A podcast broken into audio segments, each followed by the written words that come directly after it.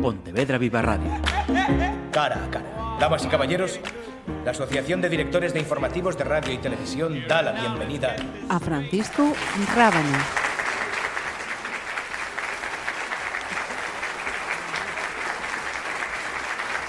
Si entramos en alguna de sus redes, vamos a ver que Francisco Rábano se define como nómada a pie por los 5.000 kilómetros de la costa ibérica. Hemos contactado con él porque estos días anda por las Rías Baixas. Así que, mmm, Francisco, ¿por dónde te pillamos comenzando semana? Y gracias por atendernos. Gracias por tenerme en estos momentos estoy en Vila García y acabo de cruzar la barrera psicológica de los 4.000 kilómetros ya caminados. Es un momento muy importante.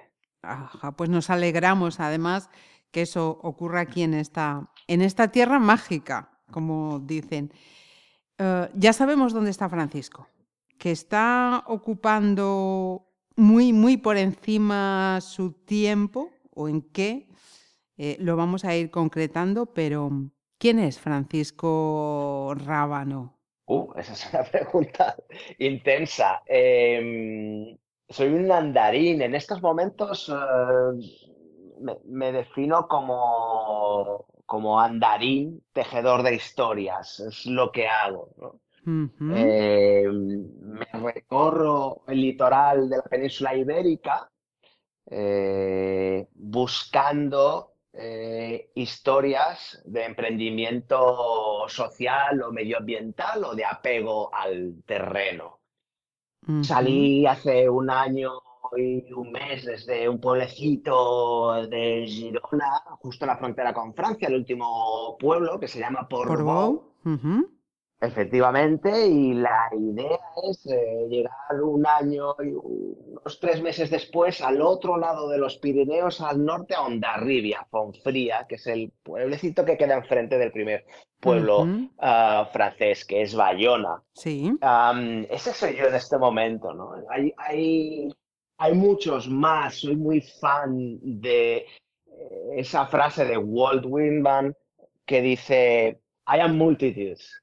Yo soy multitudes, ¿no? Uh, entonces hay muchos, muchos dentro de mí, muchos franciscos dentro de mí, que se me van apareciendo mientras camino también. ¿no? Uh -huh. Y voy descubriéndolos y, y, tomando café con ellos. Mira, yo voy a preguntar por un Francisco ahora mismo, por un Francisco mmm, de 2016 hacia atrás. ¿Qué, ¿Qué hacías hasta entonces? ¿Qué pasa en tu vida? En, en 2016? Eh, en 2016-2017 acaba un ciclo precioso, un, uno de los momentos uh, más uh, magníficos de mi vida. Eh, siete años antes yo recibo un email eh, de una persona que me dice soy la directora de expansión internacional de una empresa de Silicon Valley y estoy en Madrid Uh, me gustaría tomarme un café contigo. Y eh, yo contesto ese mail y digo, ok, ¿qué querrá esta persona? ¿no? -huh. Y esta persona lo que querría era conocerme para, personalmente, para poner en mis manos el desarrollo, la implementación desde cero de esta empresa en España. Y ahí arranca todo, ¿no? Arranca este ciclo, eh, monto la empresa en Madrid, Barcelona, Sevilla, Valencia, Zaragoza, sale bien, yo me entrego a tope, uh -huh. en cuerpo y alma, en que eso sea así, ¿no? Eh, demostrarle a la empresa que viene de Silicon Valley directamente contactar conmigo en que no se equivoca, que soy la persona adecuada y me dicen, como ha salido bien, también Portugal, ¿no? Uh -huh. Y me continúo esforzando, sale bien y dice, y ahora también Italia, ¿no? Milán, Florencia, Nápoles, Roma.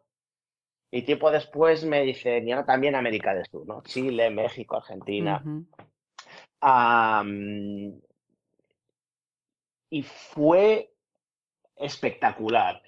Eh, uno de los periodos de más aprendizaje eh, de mayor crecimiento. Eh, trabajé con personas muy interesantes, muy inteligentes, carismáticas, con ganas de hacer las cosas de otra manera.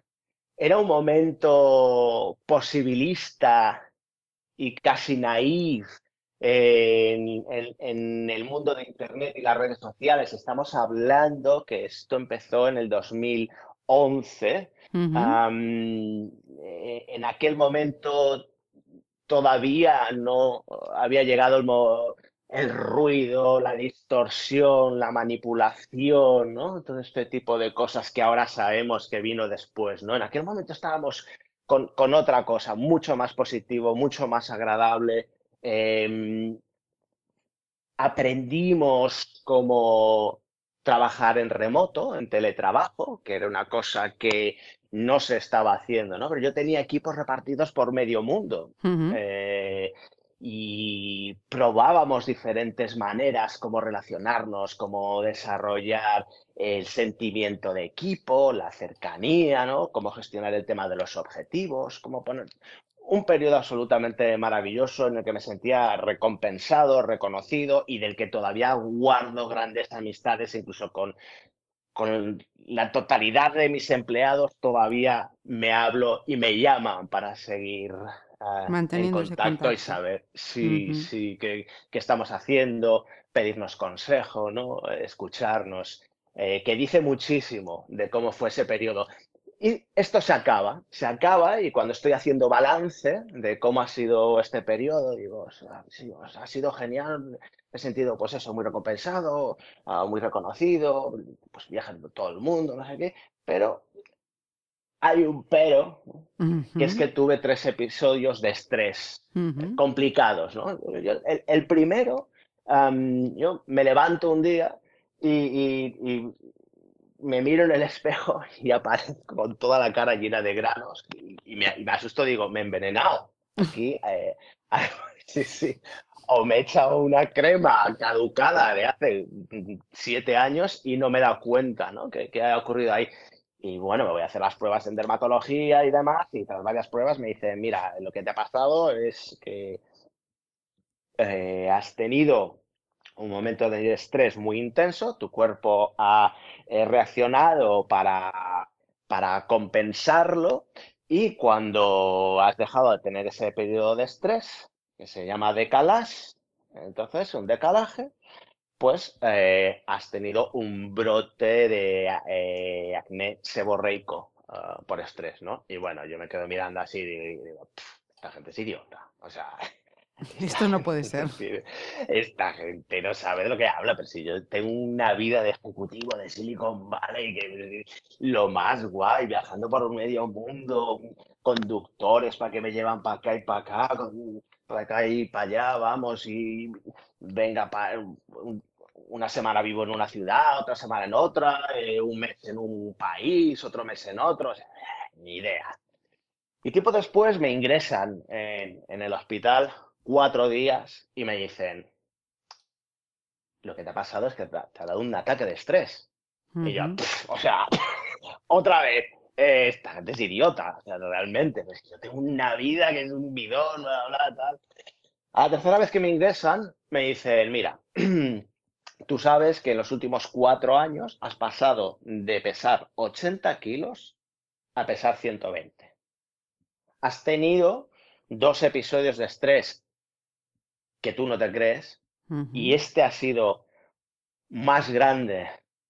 Una semana estuve en el hospital, ya ya dije, eh, quizá tengan razón y más me vale cambiar mi vida, la manera en la que me relaciono con el trabajo o acabo desgastándome, matándome a mí mismo. esto, claro, supuso un cambio en la manera en la que me relacionaba con el trabajo, conmigo, con el equipo.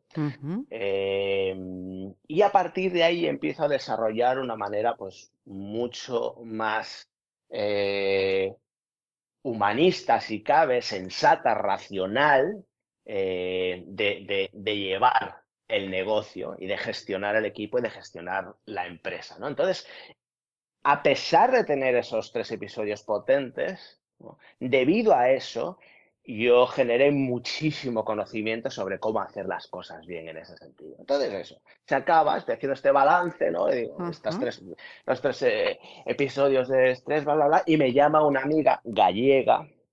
Eh, habíamos estado en Salamanca, en la universidad, juntos, ¿no? Y ella también ejecutiva de primer nivel, de la ONU, y me dice, mañana regreso a España, pasado mañana eh, tengo una intervención gravísima, eh, jodidísima. Eh, esta es la mala noticia que tenía que darte. Así que yo me cruzo a España, estaba en Almería, cojo el coche, vengo hasta Coruña y pasamos la noche previa a la intervención juntos, conversando, nos conocemos, ya te digo, hace un montón sobre el precio que habíamos pagado por nuestro supuesto éxito profesional. Em, y se puede seguir contando. Es, duro, es tremendo lo que nos estás contando, e, e, Francisco. Es, muy duro, es muy duro, es, muy duro, mm, pero sirvió para despertar.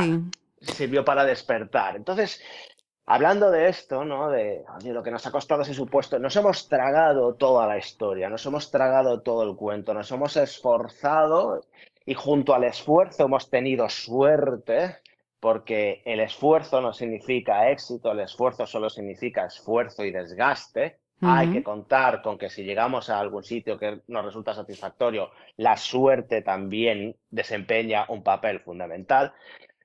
Entonces nos tragamos todo eso y, es que teníamos una vida que cuando hablábamos eh, ella y yo, mm, dormir lo considerábamos una pérdida de tiempo el cuerpo lo considerábamos una molestia. O sea, éramos de los que, bueno, nos encantaría que nos descargasen nuestro cerebro y nos lo metiesen en un ordenador ahí, porque el cuerpo nos sobra, bla, bla, bla. ¿No? Todo este tipo de, cosas. Éramos gente muy de vivir en la mente, muy de vivir en la cabeza, muy de vivir en el futuro, ¿no? Haciendo proyecciones, em, eh, escenarios, qué ocurriría si, cómo podríamos hacer, si esto pasa, de qué modo podríamos, siempre hacia el futuro, futuro, futuro, la mente, la mente, la mente, ¿no? Hasta que el cuerpo, a mí dice estas tres veces, cuidado, a ella mm, le dice, cuidado, existo, ¿no? Esta, esta, es la realidad. Así que bueno, estamos hablando de esto y decimos, mira, cuando te recuperes, nos vamos a ir por ahí a caminar a la naturaleza, a ver qué pasa que es una cosa que pues, ninguno de los dos había hecho. Y lo primero que pensamos pues, fue el Camino de Santiago. Es el, el, paradigma de, del andar intenso, ¿no? como, como no. En algún momento alguien nos dijo, oye, es que hay una cosa que se llama O Camino de dos Faros, eh, en la Costa de la Morte, que igual os gusta más. O Camino de dos Faros.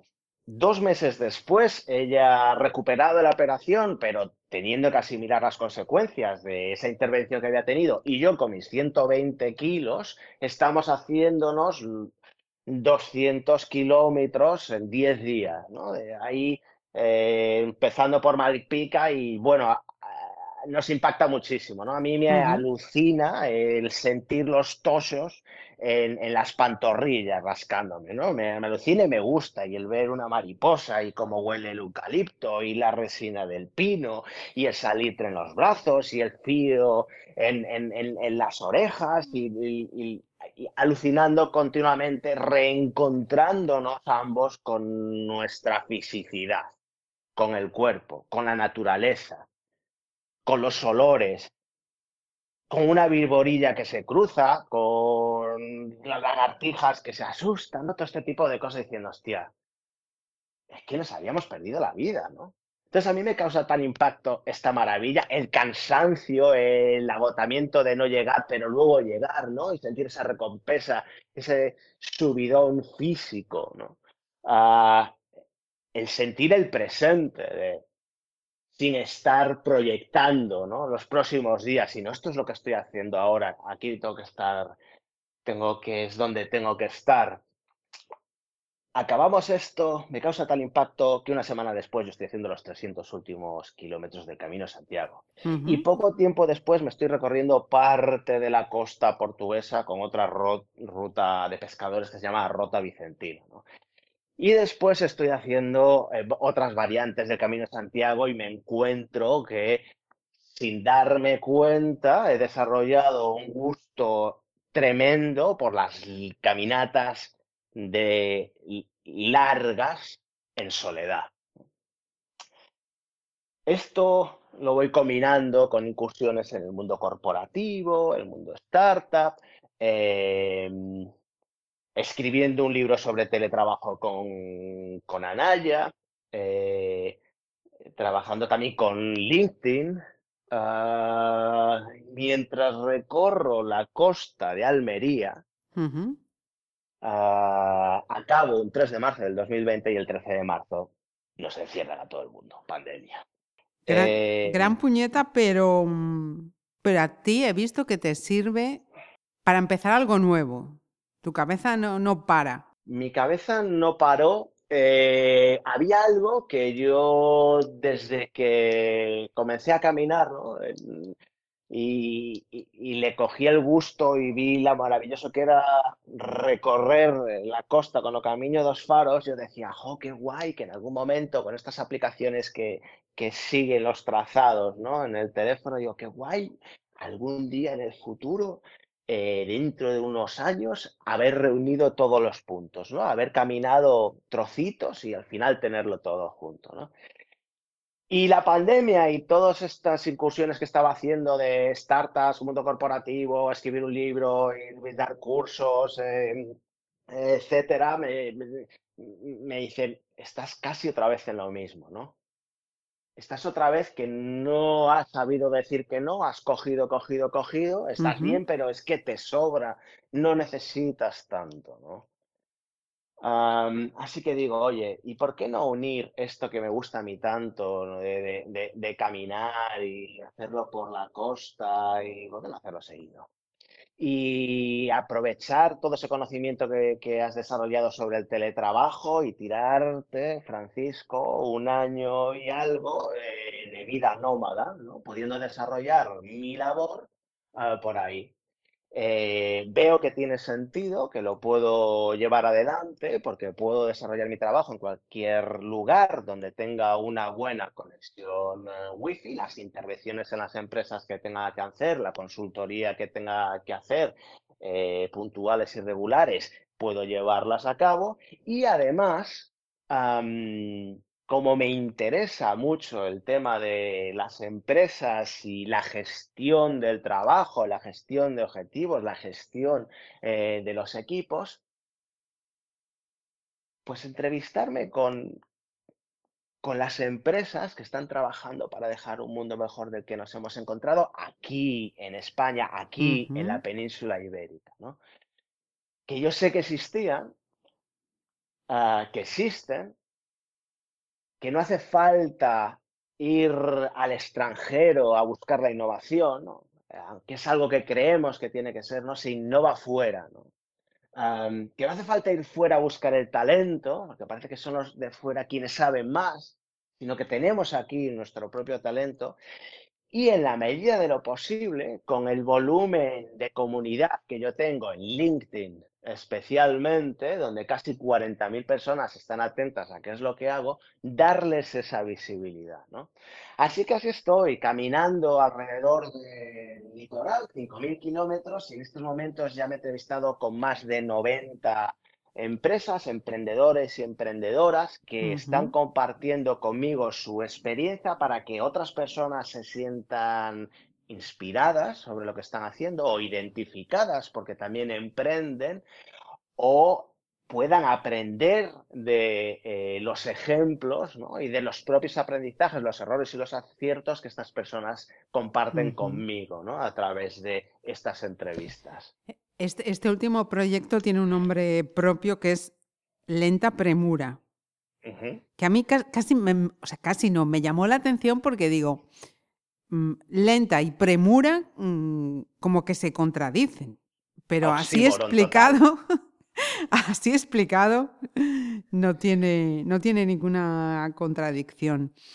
4.000 kilómetros, más de 90 empresas contactadas. Em, ¿Tienes un, método planteado? Quiero decir, llegas a un lugar y rastreas, vas ya con unas referencias. Las dos cosas. Es una combinación de oportunidad, precio, eh, condición física y meteorológica. Es decir, que si estoy cansado, no avanzo. Si hace muy mal tiempo, o vamos a ponerlo de otra manera, si hace muy buen tiempo, me permite continuar. Eh, si el sitio donde, sitio donde estoy es muy caro, pues continúo avanzando, me quedo antes. Yo miro a ver qué es lo que qué es lo que ocurre. En primavera y en verano me he estado quedando en la tienda de campaña, no mucho, no estoy en esa parte de eh, a lo salvaje, quizá más adelante, pero este no es el momento, ¿no? Suelo quedarme en pensiones, hostales, eh, hoteles, casas de amigos, casas de personas que me siguen en las redes sociales y me las ofrecen, y que me parece increíble, y aún más increíble, personas que se paran conmigo a hablar en la calle y me ofrecen sus casas, ¿no? Esto está reforzando la idea que yo tenía de todo el mundo es bueno, ¿no? Como se dice. Pero la realidad es que es así y, yo lo que me llevo es que la mayor parte de las personas somos buena gente. Lo que pasa es que los malos hacen mucho ruido. Son los que llevan los titulares, ¿no? Hmm, hmm, hmm, así es, pero la inmensa mayoría de las personas somos muy buenas. Yo solo tengo palabras de agradecimiento, cariño y admiración para todas y cada una de las personas con las que me estoy encontrando. Es alucinante. En todo esto que nos estás contando, eh, ya sabemos que mm, Galicia, las Rías Baixas, las Rías Altas, te las conoces, pero si hablamos de emprendimiento, ecosostenibilidad, comercio de proximidad, producción local, ¿qué te ha llamado más la atención en las Rías Baixas? Con cariño y sorprendido, hay un curso de especialidad de la Universidad de Vigo que se llama ICEMAR, eh, que es Innovación, Competencias y Emprendimiento, el torno al mar estuve hablando con, sus dos directoras, la directora del curso y la directora de comunicación, y tuvimos una charla interesantísima sobre el enfoque eh, que tienen en el curso, ¿no? especialmente un enfoque competencial eh, a la hora de desarrollar capacidades de comunicación, por ejemplo, presentación o búsqueda de financiación o un, montón de cosas que eh, los currículums tradicionales no se preocupan en, en, entrenar a los alumnos, ¿no? Pero que a día de hoy son muy, muy necesarias. Eh, y, dentro de este curso habían salido iniciativas realmente increíbles. Recuerdo, por ejemplo, ODS Protein, una startup que han puesto en marcha eh, dos biólogos, un chico y una chica, ¿no? Iria, y ahora no recuerdo el nombre del chico, que eh, hacen proteínas, micoproteínas, ¿no? Proteínas desde los hongos. Y eh, es especial por varias cosas. Una de ellas es porque habitualmente las proteínas se sacan de la carne y para producir carne eh, que utilizamos una cantidad de recursos hídricos tan salvaje, tan enorme, que no tiene ningún sentido, ¿no? Y entonces aparece después eh, la proteína vegetal, la soja y, demás, pero aún así sigue consumiendo muchísimos recursos. Y entonces estos dos chicos dicen, necesitamos gestionar esto, ¿no? Porque tenemos un problema grave con el agua y va a seguir ahí, ¿no?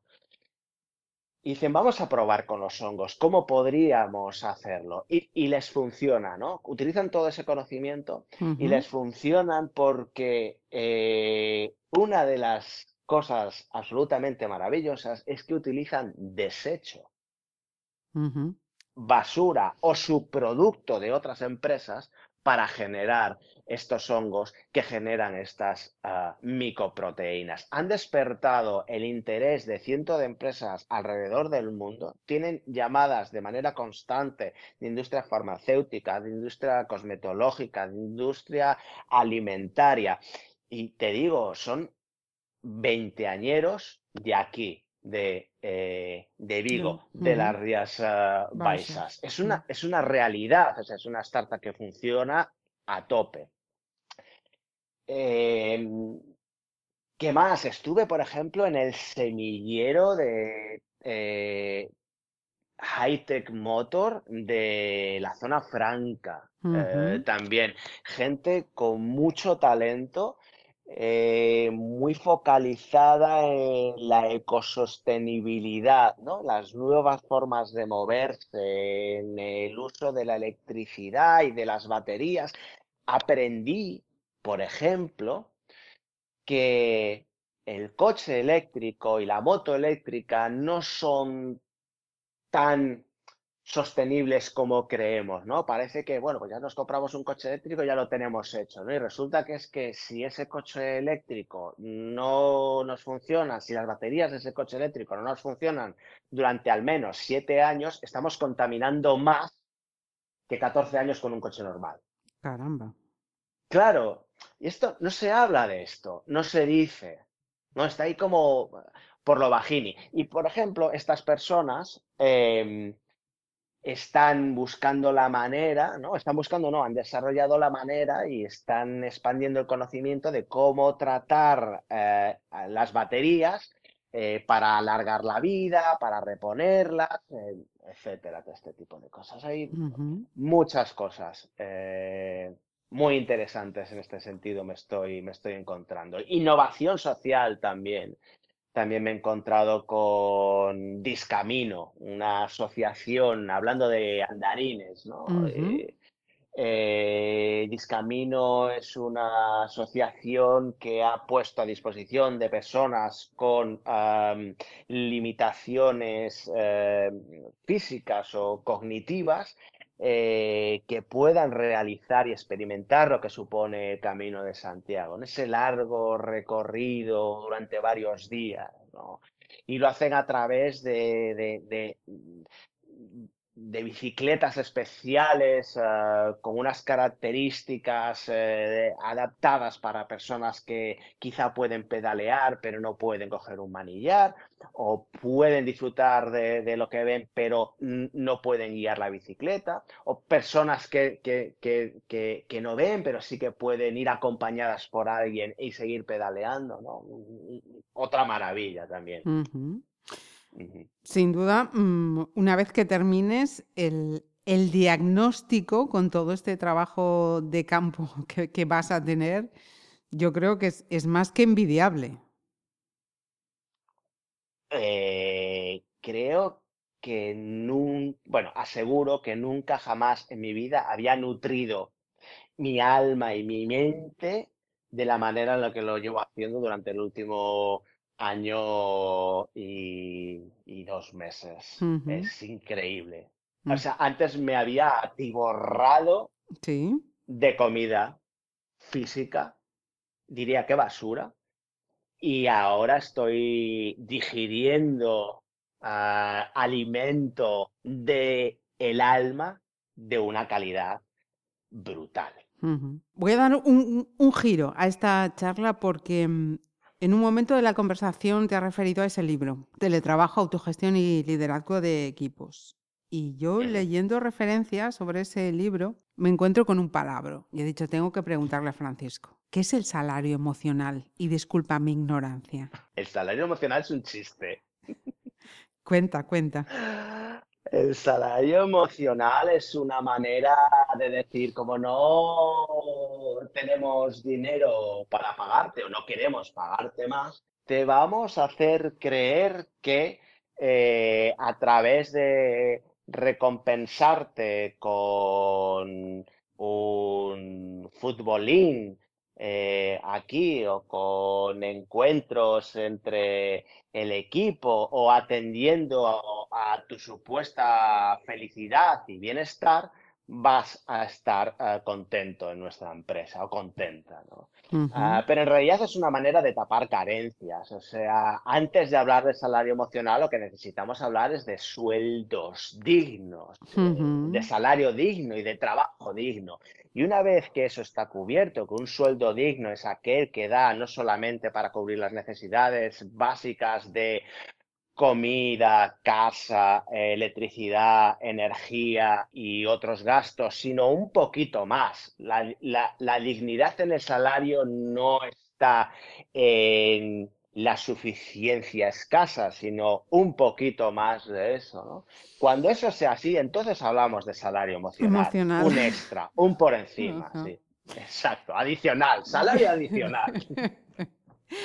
Mira, con todo este bagaje inmensísimo que nos acabas de, contar. No te voy a preguntar la, edad, pero me parece un bagaje brutal. Lo que es evidente, y no sé si tú te consideras un ejemplo de eso, que los norteamericanos han, han venido a llamar la gran renuncia, pero si fuese a ti, sin duda te está compensando con creces. Yo no he renunciado, es importante que se sepa que continúo trabajando, no he abandonado mi trabajo.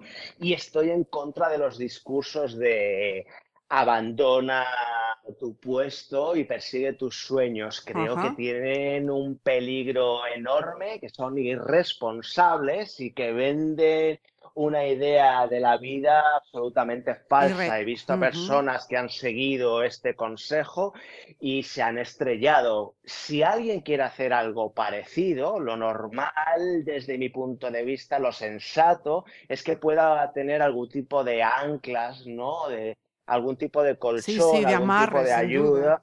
Exacto, no, no hacer esto. Yo, por ejemplo, estuve aquí en Vigo con un chico que se lanzó a montar su propia empresa, ¿no? que me dijo, yo es que dejé mi empresa que llevaba 24 años y me puse con esto. Una cosa excepcional, ha montado una maravilla.